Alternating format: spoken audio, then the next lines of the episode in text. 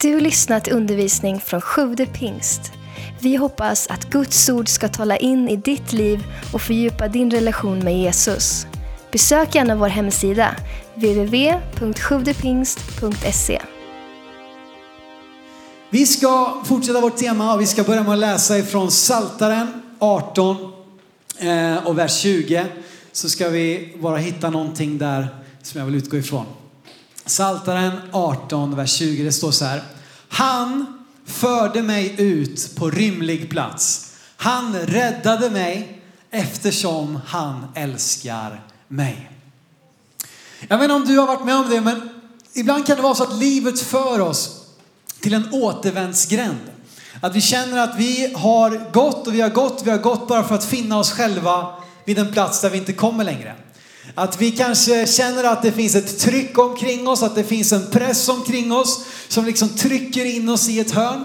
Kanske att du lever just nu med sådana omständigheter eller kan komma ihåg tider i ditt liv där du har varit hårt pressad, där du har varit tillbakasatt, där du har liksom känt att du kommer ingenstans, att det inte finns något hopp, vad det nu är. Eh, eller att du har känt att du har fallit ner kanske i en grop och eh, att du inte kan komma upp ur den här gropen. Och grejen är att när man själv försöker ta sig upp ur en grop så är ju risken ganska stor att man gräver den djupare. Att man istället för att komma upp kommer djupare ner. Eh, och jag tror att många av de här omständigheterna eller liv, livssituationerna vi kan hamna i är saker där vi inte i oss själva kan ta oss vidare. Vi behöver någon som lyfter oss upp. Vi behöver någon som tar oss därifrån, som för oss till en rymlig plats. Eh, vi behöver någon som räcker ner sin hand, som hissar ner ett rep, som eh, liksom kommer med helikopter eller vad det nu är. Eller tänk bara de här grabbarna som satt fast i den här grottan, i den här undervattensgrottan tidigare i sommar. Ni hörde säkert om det på nyheterna. Ett antal grabbar i Thailand som gick in på eh, långt, så här undervatten eller un, eh, grottsystem. Och så kom det världens regn eh, och det liksom översvämmades grottorna och de blev fast där inne. Och de kunde inte ta sig därifrån på egen hand. De var liksom i en omöjlig situation under några veckors tid så följde hela världen dramatiken. Ska, ska vi lyckas rädda och de bästa dykarna för hela världen reste dit och lyckades rädda dem och hjälpa dem ut från den platsen. Vi behöver andra människors hjälp i de här situationerna. Bibeln kallar en sådan person för en återlösare. Återlösare, det är ett ord som du kommer föra många gånger idag. En återlösare är en som har rätt eller en som har möjlighet att friköpa. En som har möjlighet och rätten att återköpa eller återta, befria det som har blivit fångat, det som har blivit stulet, det som har blivit taget. En som åter kan lösa dig från det omöjliga som binder dig, en återlösare. Och det för mig in nu i berättelsen om invandraren Rut. Jag väljer att kalla henne invandrare ut för det är precis vad hon är. Och det är inte på något sätt något nedvärderande uttryck utan bara ett sätt att visa eh, att hon var en invandrare som så många eh, i vår tid är. Där man har lämnat sitt, sitt hemland eh, och begett sig, kanske kommit hit till Sverige. Eh, och då tror jag vi kan identifiera oss med Rut. Alla kan säkert göra det, men jag tycker det är så häftigt att hon är en invandrare. Hon tillhörde inte gudsfolket, hon var en moabitiska, men ändå så har hon en bok som är uppkallad efter sig i Bibeln. Och vi ska läsa om henne i de sista, bland de sista verserna i Ruts bok kapitel 4. Ska vi börja där. Eh, och det står så här i Rut 14. Rut, eh, eller Rut 14, så långt är inte Rut. Rut 4 eh, och vers 13 till 17. Det står så här. Boas tog Rut till sig och han, hon blev hans hustru. När han gick in till henne lät Herren henne bli havande och hon födde en son. Då sa kvinnorna till Nomi, lovade Herren som idag inte har lämnat dig utan återlösare. Må hans namn bli prisat i Israel. Han ska ge dig nytt liv och försörja dig på din ålderdom. Det är ju din sonhustru som har fött honom, hon som älskar dig och är mer för dig än sju söner. Lägg märke till de här orden. Och Nomi tog barnet och lade det i sin famn och blev den som skötte det. Grannkvinnorna gav honom ett namn och sa Nomi har fått en son. De kallade honom Obed och han blev far till Isai, Davids far. Slutet gott, allting gott. Det är fantastiskt, det var lite spoiler alert här som man säger om man liksom spoilar slutet på en serie eller film innan det har kommit dit. Men det slutar väldigt bra. Men vi ska nu också hoppa tillbaka och läsa de första verserna i Ruts bok för att det började inte lika bra. Vi ska läsa det nu direkt här, hoppar vi in eh, och så ska vi sen fundera kring hur det gick från det till det. Rut 1, 1-5. På den tiden när domarna regerade blev det svält i landet, alltså i Israel. Då gav sig en man iväg från Betlehem i Juda med sin hustru och sina båda söner för att bo en tid i Moabs land. Mannen hette Elimelek, hans hustru Nomi och hans båda söner Malon och Kilion. Familjen var efratiter från Betlehem i Juda. De kom till Moabs land och stannade där. Men Nomis man Elimelek dog och hon blev ensam kvar med sina båda söner. Sönerna tog sin moabitiska hustrur, den ena hette Orpa, den andra Rut. Här kommer hon, Rut. När de hade bott där ungefär tio år dog också de båda sönerna, Malon och Kilion, och kvinnan blev ensam kvar utan söner, utan man. Alltså, här nu då så har vi den här familjen, Elimelik och Nomis familj. De bor, de är judar, de bor i Israel, men det är svält där så de lämnar sitt hemland i hopp om ett bättre liv. Det är ju därför man utvandrar, det är därför man flyr, för att man hoppas att det landet jag kommer till ska vara bättre än det land jag lämnar. Det är ganska, det är ganska självklart. Va? Och så också med den här familjen. De ville, de hoppades på en bättre framtid. De trodde att det skulle kunna gå bättre för dem i Moab än vad det gjorde i Israel. Och grejen är så här att när Elimelek då som far i huset tar det här beslutet att vi ska lämna vårt hemland. Då lämnar han också Gud faktiskt bakom sig. För att, eh, jag ska förklara det för dig och vi ser också det i den här texten. De lämnar marken som de har blivit tilldelade och det var väldigt viktigt när man intog löfteslandet, man fick landet, eh, så var det liksom, man fick tilldela sin, sin landområde. Och det var liksom det var det dyrbara som man hade. Det identifierade mig med, med folket, med landet, att jag hade det här landet. Och de lämnar alltså sin mark bakom sig. Deras söner har kananeiska namn, Malon och Kilion. Eh, eh, eller Ilion, vad var det? Ja, det är i alla fall inte judiska namn, utan eh, hedniska namn. Moab, som de beger sig till, det är Israels fiende. Eh, de tar sina söner moabitiska hustrur, alltså de gifter alltså inte sina söner med judiska hustrur, eh, eh, utan med kananeiska hustrur. Och i hopp då om att finna materiellt välstånd, alltså få det materiellt bättre, så lämnar de Gud bakom sig kan man säga. De tänker att vi klarar oss bättre på egen hand och beger sig till det här nya landet. Men istället så får de exakt det de har flytt ifrån. De flydde ju från svälten, de flydde från död i hopp om ett bättre liv, men det blev precis tvärtom. I det att de då vände Gud ryggen och sökte det materiellt goda och tänkte vi klarar oss bättre själva, så fick de precis tvärtom. Eh, Elimelek dör, hans båda söner dör och kvar är Nomi, den här änkan med två stycken svärdöttrar. Som i och för sig inte är så illa, men, men eh, det är liksom, hon är nästan i en omöjlig situation. Och Nomi här nu, hon har några alternativ för att kunna överleva överhuvudtaget. Hon skulle kunna jobba på fältet och tjäna pengar på det sättet, men nej, hon är för gammal för det. Hon orkar inte det. Det, det, liksom, det klarar man kanske inte efter en viss ålder. Hon kan gifta sig, gifta om sig, men nej, hon är för gammal. Familjen var ju allt på den här tiden. Man gifte sig inte bara för att liksom få en, en, den liksom kärleken i sitt liv, utan man gifte sig ju för att få trygghet, eh, framtid, eh, försörjning. Eh, men inte heller det verkar vara ett alternativ. Dina barn tar hand om dig när då din man dör. Ja, men hennes båda barn är ju döda. Ja, men hon kan hyra ut sin mark då så att hon kan liksom få, få betalt för sin mark, men marken har de ju lämnat. Så hon har ingen mark att hyra ut. Eh, hon har inget land, hon har inget namn, hon har ingen betydelse. Hon är, hon är en omöjlig situation.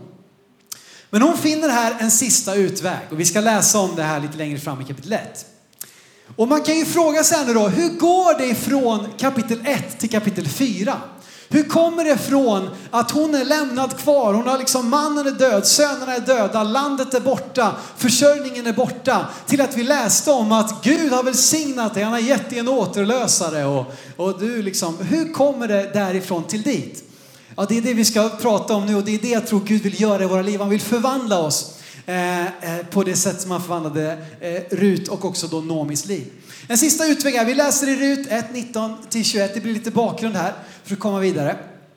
Eh, det står så här, de beger sig alltså tillbaka nu, de lämnar Moabs land tillbaka till sitt hemland. De flydde svält och död för att komma till ett bättre liv. I det nya landet så fick de precis tvärtom, de har ingenting kvar och Noomi bestämmer sig för att gå tillbaka för att åtminstone, ja, vart ska man annars ta vägen liksom? Eh, och de går tillbaka och står det så här. Så gick de båda tills de kom till Betlehem. När de nådde Betlehem kom hela staden i rörelse för deras skull och kvinnorna sa, är det inte Noomi? De kände igen henne, men hon sa till dem, kalla mig inte Noomi utan kalla mig Mara. Det var nog den första och sista kvinnan som, som, som sa så. För den allsmäktige har gjort livet mycket bittert för mig. Rik reste jag härifrån och tomhänt har Herren låtit mig komma tillbaka. Nomi har en sista utväg. Hon beger sig tillbaka. Hennes två svärdöttrar går med henne. Men hon, bara en utav dem går med henne. Vi ska återkomma till det. Rut går med henne. Och Orpa vänder tillbaka den andra svärdottern. Här nu då, så eh, är det så att Nomi betyder den ljuvliga. Hon vill inte bli kallad den ljuvliga längre. Hon säger kalla mig Mara den bittra. För att allting har fallit, allting är, är kört liksom. Men när Rut 4.14 står det att hon har fått en återlösare. Och hur tar vi oss dit då som sagt? Hemligheten ligger just i det här ordet återlösare. Återlösare. Oavsett hur omöjlig situationen är för Nomi, oavsett hur omöjlig situationen är för Rut, så finns det möjligheten att lyftas upp ur den här djupa gropen, ut ur den där undervattensgrottan som har blivit översvämmad utav vatten. Det finns en chans om det kommer en återlösare. Och Ruts bok handlar inte bara om en återlösare utan om tre. Så vi ska, jag ska visa det för dig. Här nu då så är det så att Nomi och Ruts enda chans är att bli axplockare. I Moseböckerna så i lagen så har Gud instiftat någonting att för att de fattiga inte ska, liksom att, eh, inte ska dö av svält så är det så att om man äger mark då ska man inte skörda ända ut i kanten. Utan man ska lämna en bit på kanten och den delen ska de fattiga få gå och plocka för. De som inte har någon mark, de som inte har någon mat. De ska få gå dit. Det är fantastiskt att Gud har lagt in det som en slags eh, liksom, eh, social eh, försäkring, eller vad ska man säga? Att alla markägare, och det är deras chans här nu då, att gå dit. Men Noomi är för gammal för att jobba på fältet så att Rut går dit själv. Och Rut hon har alltså chansen nu att plocka till sig så att de i alla fall kan få laga lite bröd eller vad de nu tillagar för någonting och överleva. Men hon sätter sig också i stor risk. För att som moabitisk kvinna komma dit så är hon i risk. Hon är i utkanten av fältet, utkanten av staden. Hon kan bli slagen, hon kan bli våldtagen, hon kan leta bli mördad eh, på den här platsen. Så liksom hemskt var det. Men hon går ändå dit för det är deras enda chans att bli axplockare. Men på det här fältet, just det fältet som hon hamnar på, så kommer en man som äger marken. Han heter Boas. Och nu ska vi komma ihåg tre namn. Vi ska komma ihåg Nomi, som ju är moden här då. Rut, svärdottern och Boas, eh, som är Nomis släkting. Rut, Nomi, Boas. Där på det här fältet så möter de Boas. Och Boas han förstår att hon är... Oj, hej då. Hej, tillbaka, hej igen. Kul att se er. Eh, tack för senast. Har ni haft det bra? Så vidare. Ja, det är bra. Eh, Boas kommer dit, han ser den här kvinnan, han vet inte vem hon är, men han på något sätt får meddelande med henne. Så han går till henne och säger nej. Vet du vad Noomi, eller Rut, du ska inte vara här ute i utkanten utan kom in och plocka där den fetaste skörden finns. Du kan hänga här inne istället, det är lugnt, du behöver liksom inte bege dig eh, där borta, det är farligt utan jag ska säga åt mina arbetare att de ska skydda dig och inget illa ska hända dig och du kan plocka här. Och så kommer Rut hem den dagen till Nomi och det är full, hon har liksom med sig en, en, hela överfullt med skörd och Nomi fattar ingenting. Vad är det som har hänt? Hur kunde du få tag på allt det här? Jag hade hoppats på att vi skulle kunna laga till en liten brödkaka men här kommer ju räcka till flera veckor. Vad är det som har hänt? Och Rut börjar berätta om den här mannen Boas. Och Nomi känner igen Boas. Det är ju våran återlösare. Återlösaren. Eh, och vad är då det för någonting? Jo, men på samma sätt som i lagen fanns det här då att, att man skulle få plocka ax ute i fälten om man var fattig. Så fanns det också då en chans för den som likt Nomi hade förlorat allt, som blivit av med sin mark, som har blivit av med allting. Så kunde en återlösare, en nära släkting, köpa tillbaka marken åt personen. Och en nära släkting kunde också då ta till sig kvinnan som sin fru för att föra den familjens namn vidare och köpa då tillbaka marken och ge dem tillbaka ett nytt liv. Eh, och det här är ju en enorm uppoffring. För att om Boas ska göra det, om han ska bli en återlösare, då kommer det kosta honom dyra pengar. Han kommer få sätta sin egen förmögenhet på, på spel, kanske få sätta sig i skuld. Han behöver då gifta sig med den här kvinnan. Eh, så att det är en stor, stor uppoffring. Men Noomi och Rut de fattar, det här är vår enda chans. Vi satsar allt. De satsar allt på ett kort. Nämligen, och de gör upp en plan att vid en, en speciell eh, trösk eh, eller skördehögtid ungefär så skulle Rut gå och söka upp nå, eh, Boas och eh, helt enkelt fria kan man säga. Eh, lite så, du förstått va? Så att de satsar allt här nu. De, de tänker det här, go big or go home va. Alltså det, det är liksom lika bra. Vi har ingenting, vi har ingen chans, vi har inget hem, vi har ingen mark, vi har inget land, vi har inget namn. Alltså det finns ingenting. Men det finns en chans. Därför att det finns en återlösare. Än så länge vet de inte om han vet om detta, det visste han förmodligen inte. Och han vet ju inte om han kommer att utnyttja dem, han kommer att liksom slå dem, han kommer förskjuta dem. Men de satsar allt på ett bräde. Och i kapitel 3 läser vi om hur Rut går till eh, eh Boas. De har någon slags eh, skördehögtid där. Eh, och eh, Boas sover ute vid tröskplatsen ungefär så. Och där så är det så att när de är där så går eh, Rut och lägger sig vid hans fötter och drar manteln lite över sig så. Det är lite mysigt. Eh, och Boas vaknar upp liksom. Va? Va? Vad gör du liksom? Det ligger en kvinna vid mina fötter här och liksom har krypit in här under manteln. Och vad, vad är det här liksom? Och, och Rut hon säger så här. Jag är Rut, din tjänarinna. Bred ut din mantelflik över mig för du är min återlösare. Vad hon säger egentligen är gift dig med mig. Eh, och, och liksom, hon har ingen aning nu. Hur ska Boas reagera? Han skulle ju absolut kunnat utnyttjat henne, förskjutit henne, behandlat henne illa. Men Boas, som är en bild på Jesus, som är en bild på vad Gud vill göra i våra liv. Han säger allt vad du säger ska jag göra dig. Hon säger det här kodordet, du är min återlösare. Och då förstår ju han att det finns en koppling här. Han känner igen henne från fältet han förstår, okej, okay, det är någonting djupare här än bara att jag ska låta henne plocka ax på, min, på mitt fält.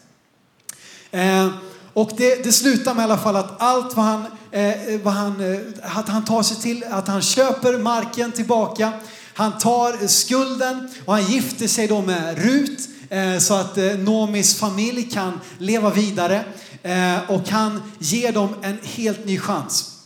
Eh, hon får tillbaka sitt namn. Hans rikedom blir hennes. Hon får ett nytt, en ny, ett nytt land, ett nytt hem. Alltså hon blir ju fullständigt återlöst. Hon blir upprättad tack vare återlösaren. Men vet du vad? Ruts bok har inte bara en återlösare utan tre. Nu ska vi se vem nästa är. För det stod ju här längre fram då, om vi går tillbaka till Rut 4 och 15. Så står det här om, om då den sonen som eh, Rut födde. Så står det så här att han ska ge dig, eh, och nu talar vi, ja, det är så här, det här det ryska romanproblemet, har ni hört talas om det? Det är när det är för mycket namn i en roman och man har svårt att reda ut vem är vem är egentligen. Men när vi nu läser, nu handlar det om, nu vänder sig texten till Nomi och om hur Ruts barn ska återlösa Nomi. Då står det så här.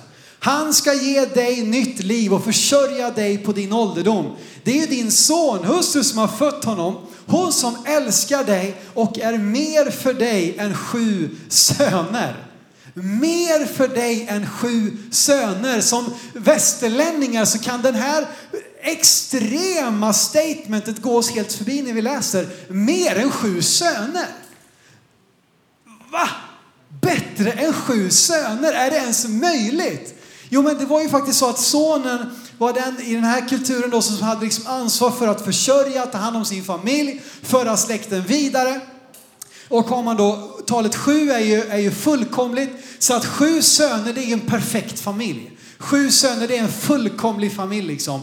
Och här säger de att Rut är bättre för dig än sju söner. Wow! Otroligt! Vilken kvinna! Som hade chansen faktiskt att överge Naomi. Hon hade inte behövt följa med tillbaka och försätta sig själv i fattigdom. Varför följer Rut med? Alltså, som vi sa, man lämnar sitt land, man flyr från sitt hemland för att man vill lämna någonting sämre och komma till någonting bättre. Det var ju därför de begav sig till Moab från första början. Men när Noomi är på väg tillbaka så vet ju hon om att förmodligen finns det ingenting som väntar mig där. Jag beger mig bara dit för att det är det enda hållet jag liksom hittar till. Hon har ingen chans och hon försöker till och med få sina svärdöttrar, gå inte med mig tillbaka. Stanna kvar här i Moab. Här har ni kontakter, ni har er familj, ni kan gifta er igen. Det, liksom, det kommer ordna sig, men följ inte med mig tillbaka. Jag är maran, den bittra. Jag har förlorat allt och dit jag går, jag vet inte alls om det kommer bli någonting bättre. Men Rut, och det står där om Orpa, den andra svärdottern, att hon kysser sin svärmor, ett kärlekstecken.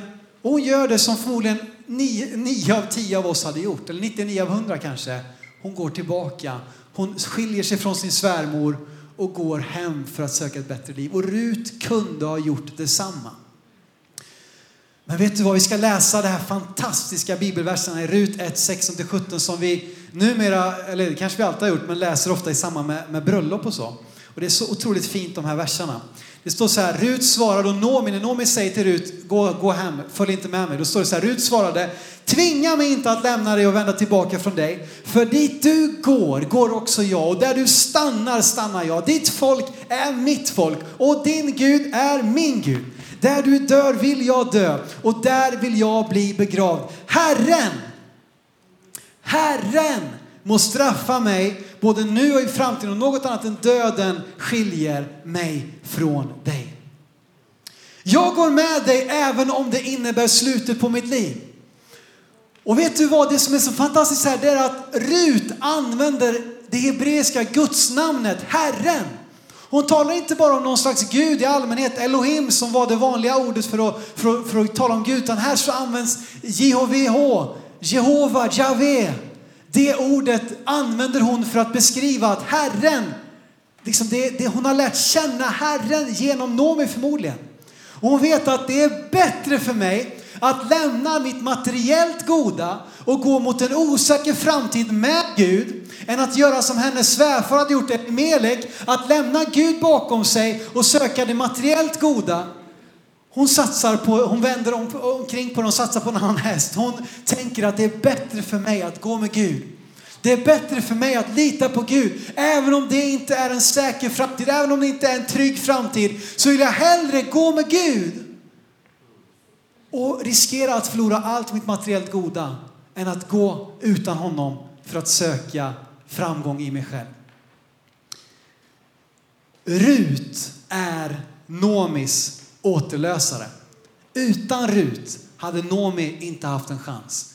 Nomi hade inte orkat gå till fältet. Boas hade nog inte varit så intresserad av att gifta sig med Nomi. Alltså, Rut ger Nomi en helt ny chans. Eh, och Rut är Nomis återlösare. Eh, och därför är hon bättre än sju söner. Därför att hon ger sitt liv av kärlek till, Ru, ja, till Nomi, men också av kärlek till Gud. Så väljer hon att gå den vägen. Men jag sa ju förut att det finns inte bara två återlösare utan tre. Och vi ska nu komma till den sanna återlösaren. Jag vet inte om du la märke till den sista versen där vi läste i Rut 4. Eh, de här lilla släkttavlan som stod precis på slutet om vad Ruts son fick för namn. Jag ska läsa det igen. Rut 4, 14-17. Då sa kvinnorna till Noomi, lova det här som idag inte har lämnat dig utan återlösare. Må hans namn bli prisat i Israel. Nu talar han om barnet som en återlösare. Det är konstigt. Det här är inte liksom lagligt rätt nu. Men alltså här talar, kallar kvinnorna barnet som ska födas för en återlösare. Och vad är det för barn? Det står vidare i vers 17. Grannkvinnorna gav honom ett namn och sa, Noomi har fått en son. De kallade honom Obed och han blev far till Isai, Davids far. Vilken David tror ni det handlar om? Kung David. Han som besegrade Goliat. Han som blev Israels första rättfärdiga kung. Han som var en man efter Guds eget hjärta. Och vad kom ur Davids liv? Och där kom Jesus, vår frälsare, den sanna återlösaren. Rut får en son. En son vars namn ska bli prisat i Israel. Davids, eller det som blir Davids farfar då. Eh, och det som så småningom skulle leda fram till Jesus själv. Rut, denna moabitiska hedna kvinna som inte hade någonting med Guds folket att göra. Hon får en helt fantastisk ny berättelse skriven om sitt liv. Hon som inte på den här tiden hade någon väg in i Guds folket fick genom Guds nåd, genom Guds kraft, genom Guds kärlek så vill han använda henne och hennes överlåtelse till honom och hennes överlåtelse till Nomi till att vara med och bli stammoder till Jesus själv. Är inte det fantastiskt? Det är vad Gud vill göra i ditt och mitt liv. Den sanna återlösaren, Jesus Kristus. Och den här återlösaren, han ska både bli lik sina föräldrar Rut och Boas. Båda de två var ju återlösare på olika sätt. Boas som gav tillbaka en materiellt välstånd, som gav tillbaka en försörjning, som gav dem tillbaka sitt namn. Eh, och också Rut då, som ju för Noomi blev en återlösare när hon riskerade sitt eget liv. Hon satte sitt liv på spel för att ge en ny chans åt Noomi, för att kunna ta familjen vidare. Och Jesus Kristus, han är mer än Rut. Jesus Kristus, han är mer än Boas. Han är en sann återlösare som gör mer, som går längre än vad alla de här gör för att återlösa dig och mig. Jesus sa inte bara att jag dör så att ni kan få leva, utan han sa att inte ens döden ska skilja oss åt. Jesus sa att jag vill hellre skilja mig från min far än att skilja mig från er. Han lämnade det största namnet efter sig och gav oss rätten att bli hans barn. Vi får ett nytt namn. Vi blir inlämnade, adopterade in i Guds familj. Vi blir återlösta ifrån synden, ifrån det mörka, ifrån våra egna misslyckanden och vi ges ett nytt namn.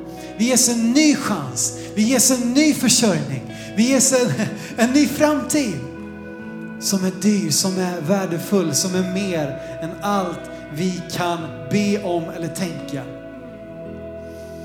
Vi kan inte återlösa oss själva. Vi kan inte klättra ur den där gropen. Vi kan inte simma ut ur den där grottan själva. Vi behöver en återlösare. Vi behöver Jesus. Och han är här idag. Han vill välsigna dig, han vill möta dig. Ska vi stå upp tillsammans när vi läser ett sista bibelord, Filipperbrevet 3. Ruts budskap är att om du ger upp din definition av vad ett bra liv är, så kommer han, Gud själv, att ge tillbaka något som är långt. Om jag lyder Gud kanske jag inte får det liv jag hade förväntat mig, men jag lovar dig, du kommer få ett liv som är bättre. Välj inte att lämna Gud, vända Gud ryggen för att söka det materiellt goda. Hellre lämna den materiella tryggheten, det vi själva kan förmå och gå med Gud som Rut gjorde. Filipper 3, 7-9. Men allt det som förr var en vinst för mig räknar jag nu som förlust för Kristi skull.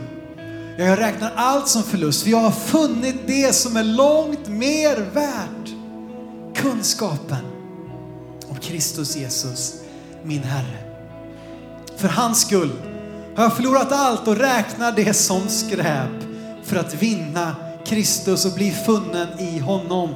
Inte med min egen rättfärdighet som kommer av lagen, utan med den som kommer genom tron på Kristus, rättfärdigheten från Gud genom tron. Den sanna återlösaren är här idag för att göra dig fri. Tack för att du lyssnat. Glöm inte att du alltid är välkommen till vår kyrka. Du hittar mer info på www.sjuvdepingst.se